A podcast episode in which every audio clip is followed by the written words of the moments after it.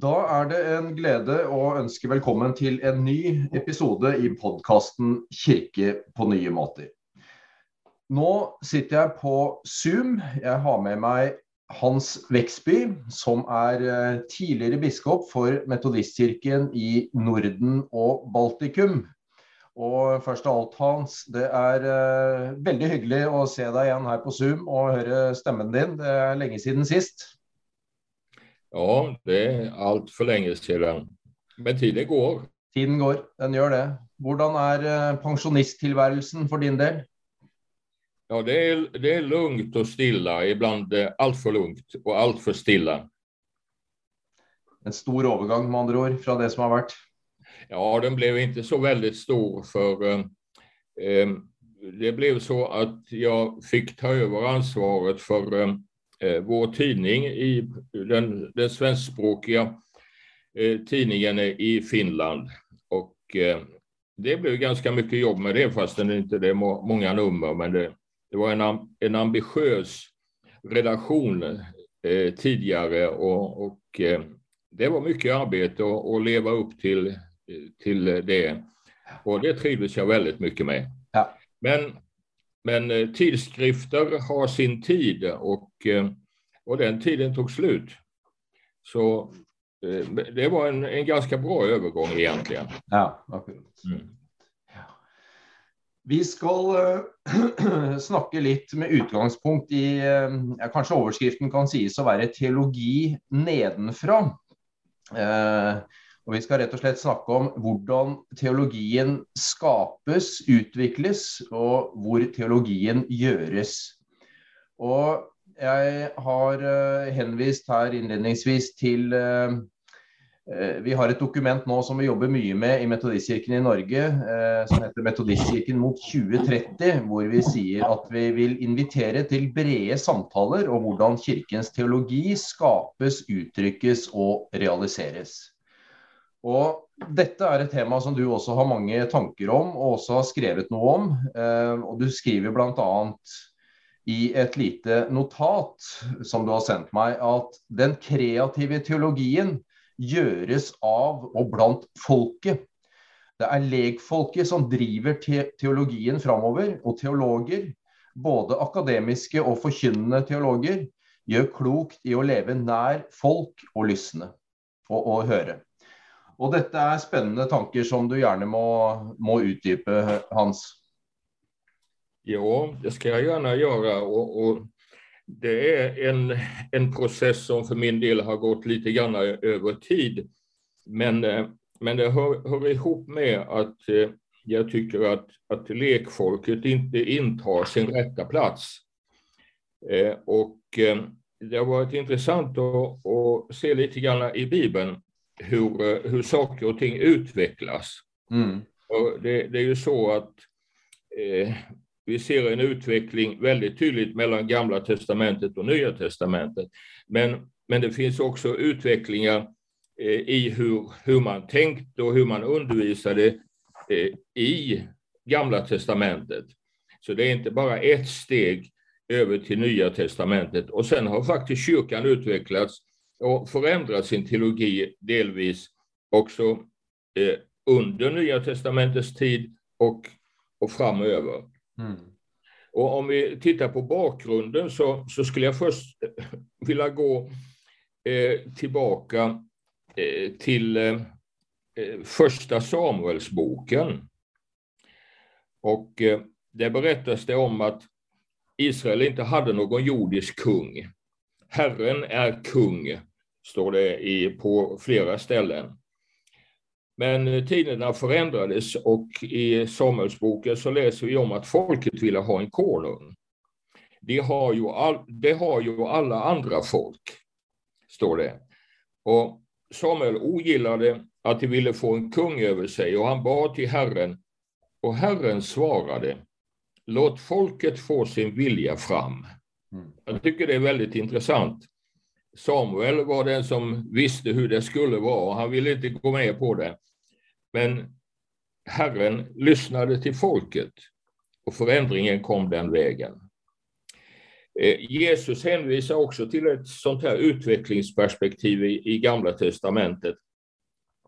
När han undervisar om äktenskapet så säger han, därför att ni är så förstockade tillät Mose er att skiljas från era hustrur, men från början var det inte så. Här är det något som markeras vad som är rätt och, och eh, det är inte ändrat på, men ändå så har Mose gått med på att det går att, att eh, skiljas. Mm. Och eh, sen så har vi ju då Nya Testamentet och där blir det ändå tydligare. Eh, sex gånger i Matteus evangelium så säger Jesus, ni har hört att det blev sagt, men jag säger er. Mm. Och det var alltså inte från teologerna, de skriftlärda, som, undervis, som förändringen kom. Och eh, sen har vi en händelse som jag tycker är väldigt intressant. Och det är Apostlagärningarnas tionde kapitel. Det är den här situationen när, när Petrus får en syn eh, och blir uppmanad att äta av allt det som finns där. Och det är massor med saker som är förbjudna enligt eh, Gamla testamentet. Och eh, han blir, blir eh, eh förfärad och säger så här, jag läser till. Nej, nej, Herre, aldrig har jag ätit något oheligt och orent. Nej, han vill inte gå med på det, för så står det inte i skriften. Och så har vi aldrig gjort förut. Men eh, genom att, att Guds ande ledde det på ett, ett lite extraordinarie eh, vis. Det kom folk och knackade på och sa att, att eh, kom med oss till, till Filippe. Eh, och eh, därför att det är en man där som, vill, som behöver tala med dig. Så det behövdes något alldeles speciellt extra för att Petrus skulle gå med på att, att man kan äta allting som Gud har skapat. Eh, sen har vi ju inom vår egen kyrka Eh, John Wesley han var nog vad vi skulle kalla en, en ganska högkyrklig präst.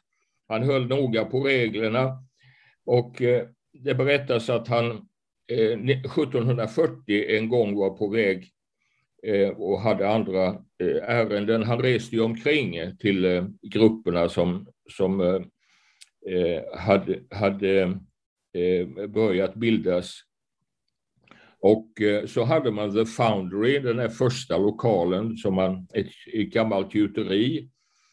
Eh, och eh, eh han hade bett en ung man, Thomas Maxfield, att ta hand om det. Och så fanns det inte någon av de metodistiskt sinnade prästerna i närheten, så han predikade själv.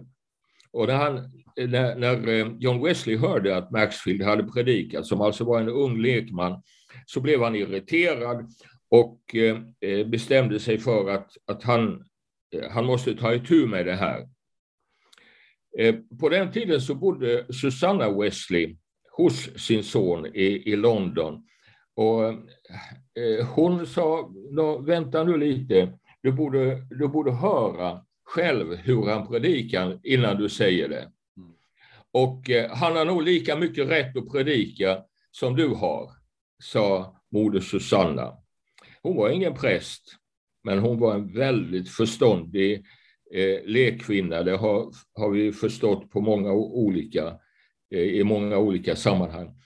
Och eh, så lyssnade John Wesley och erkände att en lekman kan predika precis lika bra som en präst. Ja, och det var, det var bra. Och det har inte med Bibeln att göra, men det har med vår, vår kyrka och, och visar att vår kyrka utvecklas. Mm. Ett annat eh, område eh, där vår kyrka har förändrats med tiden, det är inställningen till, till skilsmässa. Eh, ännu på, på 70-talet så, så var det helt omöjligt för en, en präst att fortsätta i vår kyrka, att fortsätta i tjänsten om, om han eller hon gick igenom en, en skilsmässa. Men eh, vi har börjat inse att också en präst har rätt att, att misslyckas. med, med äktenskapet och, och, det är verkligen inte någonting att ta lätt på. Men det finns ett helande och det finns en, en möjlighet att ta, ta upp tjänsten eller fortsätta av tjänsten eh, rent av. Och jag undrar om, om det är likadant med homosexualiteten. Eh, som, eh, ja, vi ändå går tillbaka till 70-talet, så, så var det ju helt omöjligt. Det var en icke-fråga i, i våra församlingar. Mm. Och eh, när, jag, ännu när jag var biskop så var det ett väldigt känsligt ämne, ja det är ett känsligt ämne alltjämt, men, men ännu när jag var, var biskop så, så höll vi väldigt hårt på, på de här eh, reglerna. Och eh, jag hävdade många gånger att eh, vi ska inte ändra på vår ordning utan vi ska leva upp till vår ordning.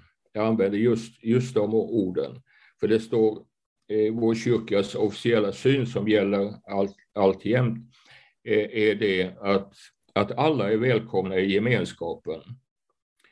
Eh, och sen har vi, har vi ställt andra krav på eh, de som är i, en representativ roll, alltså som, som pastorn eh, som det då inte är acceptabelt med, med en homosexuell praxis för att bli ordinerad.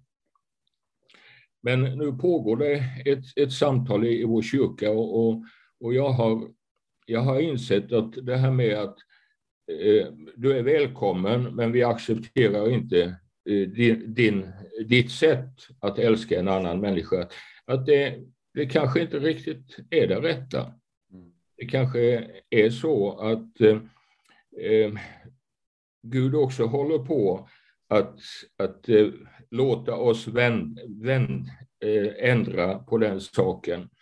Och jag har märkt i samtal att, att eh, eh, här i det sammanhang som jag står nu, att det verkar som om, om lekfolket Eh, har en mjukare inställning till de här frågorna eh, än vad prästerna har. Prästerna vill, vill gärna slå upp i boken och läsa det som är rätt, mm. medan eh, folket möter andra människor, träffar, kanske har i familjen. Och, och eh, eh, jag tror att det är något eh, speciellt med att eh, det det håller på att röra sig och jag tror att det är folket som, som hjälper oss att gå vidare. Eh, och att det verkar som om, om folket har en mer eh, direkt kontakt med Guds ande. Det låter kanske lite, lite märkligt. Då borde väl den som umgås med, med skriften varje dag och, och försöker att undervisa. Men det är lätt att bli ensam i predikstolen. Mm. Och eh, det kanske finns någonting i, i det. Eh, det som kanske har, eh, har betytt mest för mig, det är det som står i Johannes 16.13. Jag har funderat många gånger på vad det betyder. Jesus säger, när han kommer, sanningens ande, skall han vägleda er med hela sanningen. Han ska inte tala av sig själv, utan förkunna det han hör och låta er veta vad som kommer att ske. Mm. Handlar det bara om de yttersta sakerna, det som kommer att ske? Nej, det, det tror jag inte. Eh, jag tror att, att det ligger någonting mera i det. Och det här som jag berättade om, om Petrus, jag tycker det är ett, ett exempel på att Guds ande ledde kyrkan till en ny ståndpunkt i relationen till renhetslagarna i Gamla testamentet. Mm. Också mötet i Jerusalem i Apostlagärningarna 15 tycker jag också är ett, ett, ett, exempel på redan inom Nya testamentets eh, ramar hur den helige Ande ledde kyrkan till att ta ett steg i en riktning som inte har grund i Gamla testamentet. Mm. Ja, så där är bakgrunden till mina tankar om att lekfolket nog har en betydande, betydande plats i teologins utveckling. Mm. Ja, det er veldig spennende å, å sitte og høre på det. Eh, For du, du, sier jo noe om at den kreative, utviklende teologien finnes hos folket. Og eh, på en måte blir til på andre måter. Da. Og det, Eh, det er mange ting du er inne på her. Én ting er jo dette at teologi aldri kun eh, kan være en repetisjon av tidligere tiders eh, formuleringer, men alltid må være i utvikling, være noe dynamisk. Og så er det jo også noen spennende tanker om hvordan vi forstår Kirken som ligger i dette, tenker jeg da. Bl.a. dette som har med læren om det allmenne prestedømmet, nådegavetenkningen i Det nye testamentet osv. Eh, og eh, det er vel noe med dette at eh, jeg, jeg, tenker, vi, vi, snakker en del her i Norge nå med, om en sånn type nyorientering av presterollen hvor prester ikke lenger kan ses på som den ene som gjør tjenester på vegne av menigheten, men at man er nødt til å liksom forsøke å finne en balanse mellom sin egen kompetanse og fellesskapets kompetanse. Og bidra til å skape et miljø, et fellesskap som, bidra, eh, som muliggjør hele folkets tjeneste. Eh, og Da tror jeg det handler litt om å legge til side noe av den autoriteten som ligger i egen ekspertise, eh, nettopp for å fremme en felles likeverdig refleksjonsprosess. Eh, Dette kan jo oppleves litt truende for prestenes rolle. altså Både det du sier om eh, hvordan teologien utvikles, eh, hvilken rolle prestene skal ha i kirken osv. Det er en, kan være en krevende balansegang. Ja, det kan det vara. Men jag tror att, att det är en sak som, eh, som bromsar det här och, och det är att om, om, du tittar på Nya Testamentet så, så finns det inte några sådana präster som vi har idag. Eh, det fanns den gamla testamentliga offerprästen. Mm. Eh, men, men sen finns det herdar, det finns profeter, det finns apostlar och, och till och med vi, vi, får tolka de orden lite, lite granna. Eh, det var långt senare som vår nuvarande prästroll utvecklades. Mm. Och eh, jag skulle gärna till och med våga se det att, att den här speciella prästen som, och, som enbart, och det är bara prästen som får förvalta sakramenten, det är nästan som en, en parentes i, i kyrkohistorien. Eh, och eh, att eh, eh, vi har inte längre en bildad elit och så sedan den stora folkskaran eh, är obildad. Utan idag så, så står vi på, på samma, vi har samma utbildningsnivå, vi har samma erfarenheter, vi har samma, läser Bibeln lika mycket lekfolket läser Bibeln lika mycket som, som prästerna gör. Mm. Eh, en del av dem, eh, kanske inte, inte alla. Och, och det, det, betyder att det finns inte liksom sån en kompetensnivå som är så väldigt olika. Det är klart att, att pastorn ska ha en spetskompetens i, i teologi och det är väldigt viktigt att vi inte lämnar de gamla dokumenten vid sidan. Det måste, det, det behö, vi behöver absolut ha det perspektivet. Vi får inte tappa perspektiv och, och, kasta bort det gamla perspektivet. Men för att våga gå in i det nya så behöver vi ha hela, hela spektret. Mm. Och det är där jag menar att lekfolket är i en helt annan situation idag än för 500 år sedan. Mm. Och, och, och, det måste vi respektera och, och därför tycker jag att det finns en, mycket större ömsesidighet idag. Och, och jag tänker på, eh, på det här Paulus, eh, han skriver första Korintierbrevet så här. Eh, vad innebär nu detta bröder? Jo, att när ni samlas har var och en något att bidra med. Var och en något att bidra med. Sång, undervisning, uppenbarelse, tungotal eller uttolkning. Men allt ska syfta till att bygga upp. Och, och sedan, som profeter får två eller tre tala och de övriga ska pröva vad som sägs. Jag, jag har bara varit med en enda gång när jag har blivit motsagd som predikant. Att någon hade ifrågasatt det, det jag har sagt i, i, direkt i ett möte. Mm. Eh, och jag tror att, att den här dynamiken behöver bli större och för det måste vi som är prästet eh, myndiggöra lekfolket. Och jag fäste mig vid en, en man som jag arbetade en del med eh, när, vi, när eh, eh vår kyrka i, i England stödde eh, ett, ett visst arbete i, i Ryssland. Och han sa så här, We are a lay movement han, han, han, betonade det att metodismen är en lekmannarörelse. Det, det var det, det, och det sa han många gånger med, med en fas. Och jag tycker att vi ska vara det. Mm. Mm. Mm.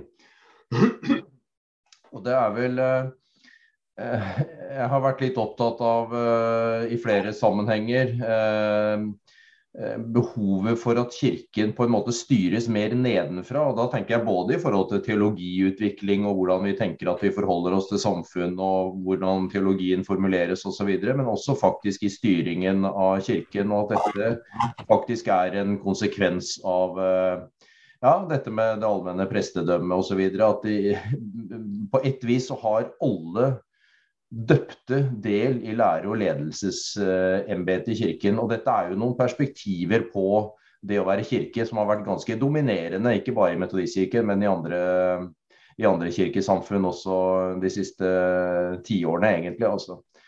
Ehm, men hva får dette, fører dette til noen konsekvenser, tenker du, for ja, prester da, og andre som eh, søndag etter søndag står fram i prekestolen og skal, skal forkynne. Eh, det, er, det, er, i hvert fall ikke liksom, eksperten som taler til det umyndige legfolket, men eh, man får kanskje en annen rolle også som, eh, som forkynner i en sånn eh, virkelighet? Ja, jag tror eh, en, en sak som, som hör, hör ihop med det här är Eh, som jag fäst mig vid när vi har fått undervisning om hur vi planterar nya församlingar. Mm. Och, eh, i, i, en sån bok, jag kommer inte ihåg vad författaren heter, han har varit i Skandinavien och undervisat också. Eh, eh, han, han sa att så kommer frågan, när har vi en församling? Och då säger han att vi har en församling när vi har en, en, en offentlig gudstjänst och någon form av lärjungaträning. Mm. Och, och det, det, är det som jag, den där senare delen som jag tror att det finns många församlingar som inte har och ändå tror att de är en kristen församling därför att de har en press som de kan lyssna till. Mm. Men jag tror att vi, vi behöver de här små sammanhangen där vi kan samtala och möta. Där, och, och där prästen är med. Inte som den som, som, eh, som undervisar, utan den som är med i samtalet har mm kunskap, har själavårdsutbildning eh, och, och erfarenhet, men som är en i gruppen. Och eh, prästen får nog lika mycket som de andra i den, i, i den gemenskapen. Och det är mm. där som jag tror att, att nyckeln till den här utvecklingen finns.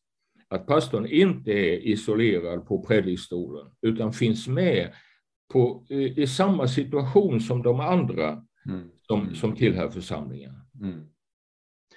Jeg husker jeg så en sånn uh, illustrasjon for noen år siden som på en måte sier noe om sånn fresh expressions of church og emerging church osv., hvor man sammenligna ulike presteidealer i forskjellige tider. og eh, liksom Fra, fra gammelt av så, så, var det jo på en måte Presten var liksom nærmest vitenskapsmannen ikke sant, som, eh, som fortalte.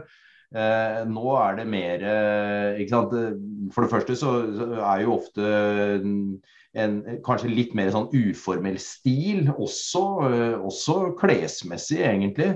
Men at man mer ser på seg selv som et vitne på lik linje med andre som deler fra sitt eget liv, på en måte. Og eh, ikke så mye opphøyd på en prekestol, men gjerne folk sittende i en sirkel. ikke sant? Og, og en del av de konkrete gudstjenestefellesskapene som skapes ut av dette, er jo veldig annerledes enn våre eh, veldig sånn eh, monologiske gudstjenester. Da. Her er det mye mer dialogisk, med bønnevandringer, tenning av lys osv. En helt annen involvering på, på alle måter.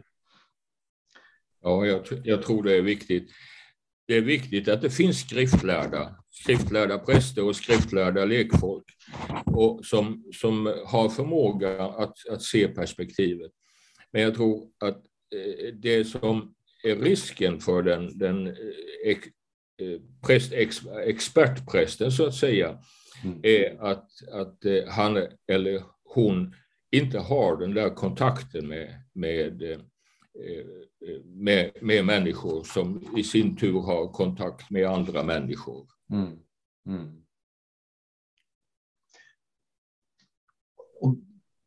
för att få till några ändringar här, då, tänka annorlunda om detta, vad for mange vil det kanskje kreve ganske store endringer av måten man uh, rett og slett ordner hverdagen på, og hvordan man tenker om det å være prest, pastor, leder i en menighet? Ja, jag, jag är ingen vän av, av revolutioner. Jag, jag, jag, är, jag, jag tror på de små förändringarna mm. eh, och, eh, som är målmedvetna. Eh, och att, att eh, vägen in för en, en, en, eh, en vanlig församling, det tror jag är samtalet. Mm. gärna organiserat, men det, det, vi har erfarenhet av det. Det är väldigt svårt att, att, att bara organisera grupper i, i, i, församlingen. Det måste finnas en dynamik i det också. Mm. Och eh, jag själv har väldigt stor god erfarenhet eh, utav en vandringsgrupp som eh, bildades efter en Emmausvandring. Eh, och, och eh, det, det, är då människor som är motiverade, de är inte organiserade. Utan de har, eh, de har kommit samman därför att, att de, har, de har märkt att, att den här vandringen med Jesus, inte fysiskt, men vandringen med Jesus, eh, den, den har med sig folk som man behöver följa. Och eh, de där små dynamiska grupperna, de ska vi uppmana. Mm. Och eh, det behöver inte vara prästen som organiserar det, men man kan, man kan ta med sig prästen Det är väl kanske en understreking av att uh, ett sånt type ideal vi har idag är mer än uh, framför en sån uh, erobrermission så är det en medvandrarmission. Absolut. Det är uh, någon uttryck som är brukt i någon sammanhang här i Norge. Att medvandrarmission är en god betecknelse på både vad kyrkan är kallad till men också vad präster och pastorer är kallade till att vara i, i omgång med folk. Mm ett mycket bra ord. Mm. Ett mm. mycket bra ord. Mm. Vi närmar oss slutten. Eh, det är lite spännande att fråga dig om, eh, om du har några tankar för eh, den globala metodistkyrkan framöver och också den delen av metodistkyrkan som håller till i Norden och, och Baltikum. Vill du dela några tankar om, om någon hopp kanske för kyrkan? Ja, eh, jag, jag sörjer över att eh, eh, kyrkan håller på att splittras. Jag tycker det är mycket tragiskt att vi inte kan respektera att det finns människor, äkta, genuina kristna, som har en annan uppfattning än jag i en viktig fråga. Ehm, och det jag hoppas innerligt det är att eh, vi på den här sidan Atlanten inte ska dras med den amerikanska polariseringen. För det, det är, allting är svartvitt i USA, också inom kyrkan. Mm. Och, och, och, i allt för hög grad. Och jag hoppas innerligt att vi här i, i Europa kan fortsätta och, och leva tillsammans med olika uppfattningar. Vi klarade av på 60 och 70-talet att leva med olika dopsyner inom kyrkan. Eh, och, och, och, det var ju, eh, tycker jag, kanske en viktigare fråga än, än, än, än eh, sexualiteten. Mm. Eh, och det finns andra saker som vi har klarat alldeles utmärkt att, att leva tillsammans med och respektera varandra. Och det är nog min förhoppning att vi kan fortsätta med det. Mm. Mm. Takk for, eh, for, det håpet, som jeg absolutt delar. deler. Og um, takk også for, for, denne muligheten til å ta en prat og höra høre deg utdype litt mer om det jeg har lest litt, mer, litt av tidligere. Jeg tror dette er spennende og viktige perspektiver for Kirken. Så tusen takk for, for praten, og alt godt videre til deg og dine. Tack, Gud välsignar er och beskyddar er. Herren låter sitt ansikte lysa över er och är er nådig. Herren vänder sitt ansikte till er och ger oss sin fred i Faderns och Sonens och den helige Andes namn. Amen.